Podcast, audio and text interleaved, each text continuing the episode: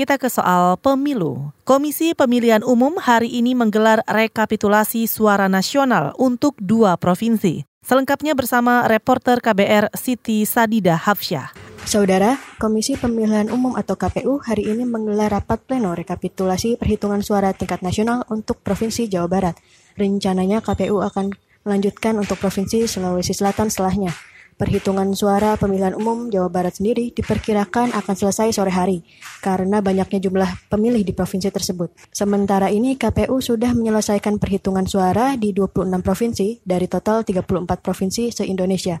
Pasangan nomor urut 01 Joko Widodo dan Ma'ruf Amin unggul dengan perolehan lebih dari 72 juta suara setara 56,21 persen. Mereka memenangi suara pada 16 provinsi. Sedangkan 10 provinsi sisanya dikuasai oleh pasangan Prabowo Subianto Sandiaga Uno. Pasangan 02 ini meraih lebih dari 56 juta suara atau 43,79 persen. Selisih keduanya hampir 16 juta suara. Dari Gedung KPU Pusat Jakarta, Siti Sadidah Hafsyah untuk KBR.